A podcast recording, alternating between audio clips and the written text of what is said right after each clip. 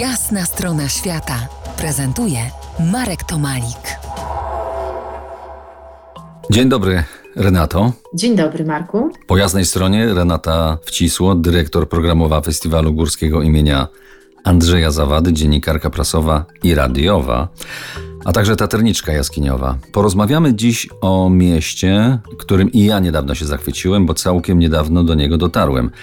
Mówią o nim, że to jedno z najpiękniejszych miast Dolnego Śląska, ale nie leży w granicach województwa o tej samej nazwie. Renato, to gdzie jest ten twój żagań?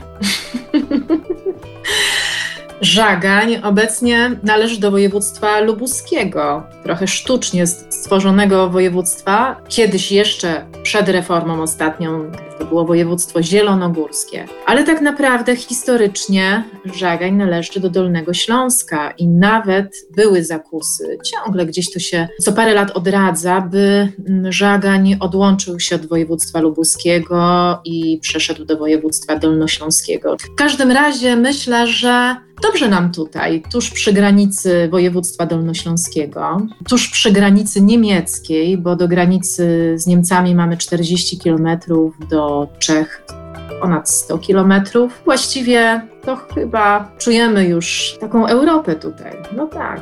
To kiedyś był ważny ośrodek polityczny, kulturalny, komunikacyjny. Był. Kiedy był? Był do II wojny światowej. Żagań był bardzo dobrze komunikacyjnie rozbudowany.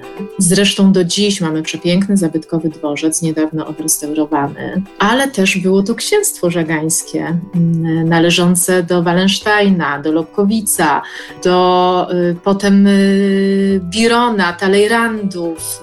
Zresztą Żagań w połowie XIX wieku rozkwitł dzięki bardzo tutaj docenianej Dorocie de Talleyrand Perigo. Ale o niej jeszcze porozmawiamy sobie osobno, bo to A, rzeczywiście dobra. jest tak.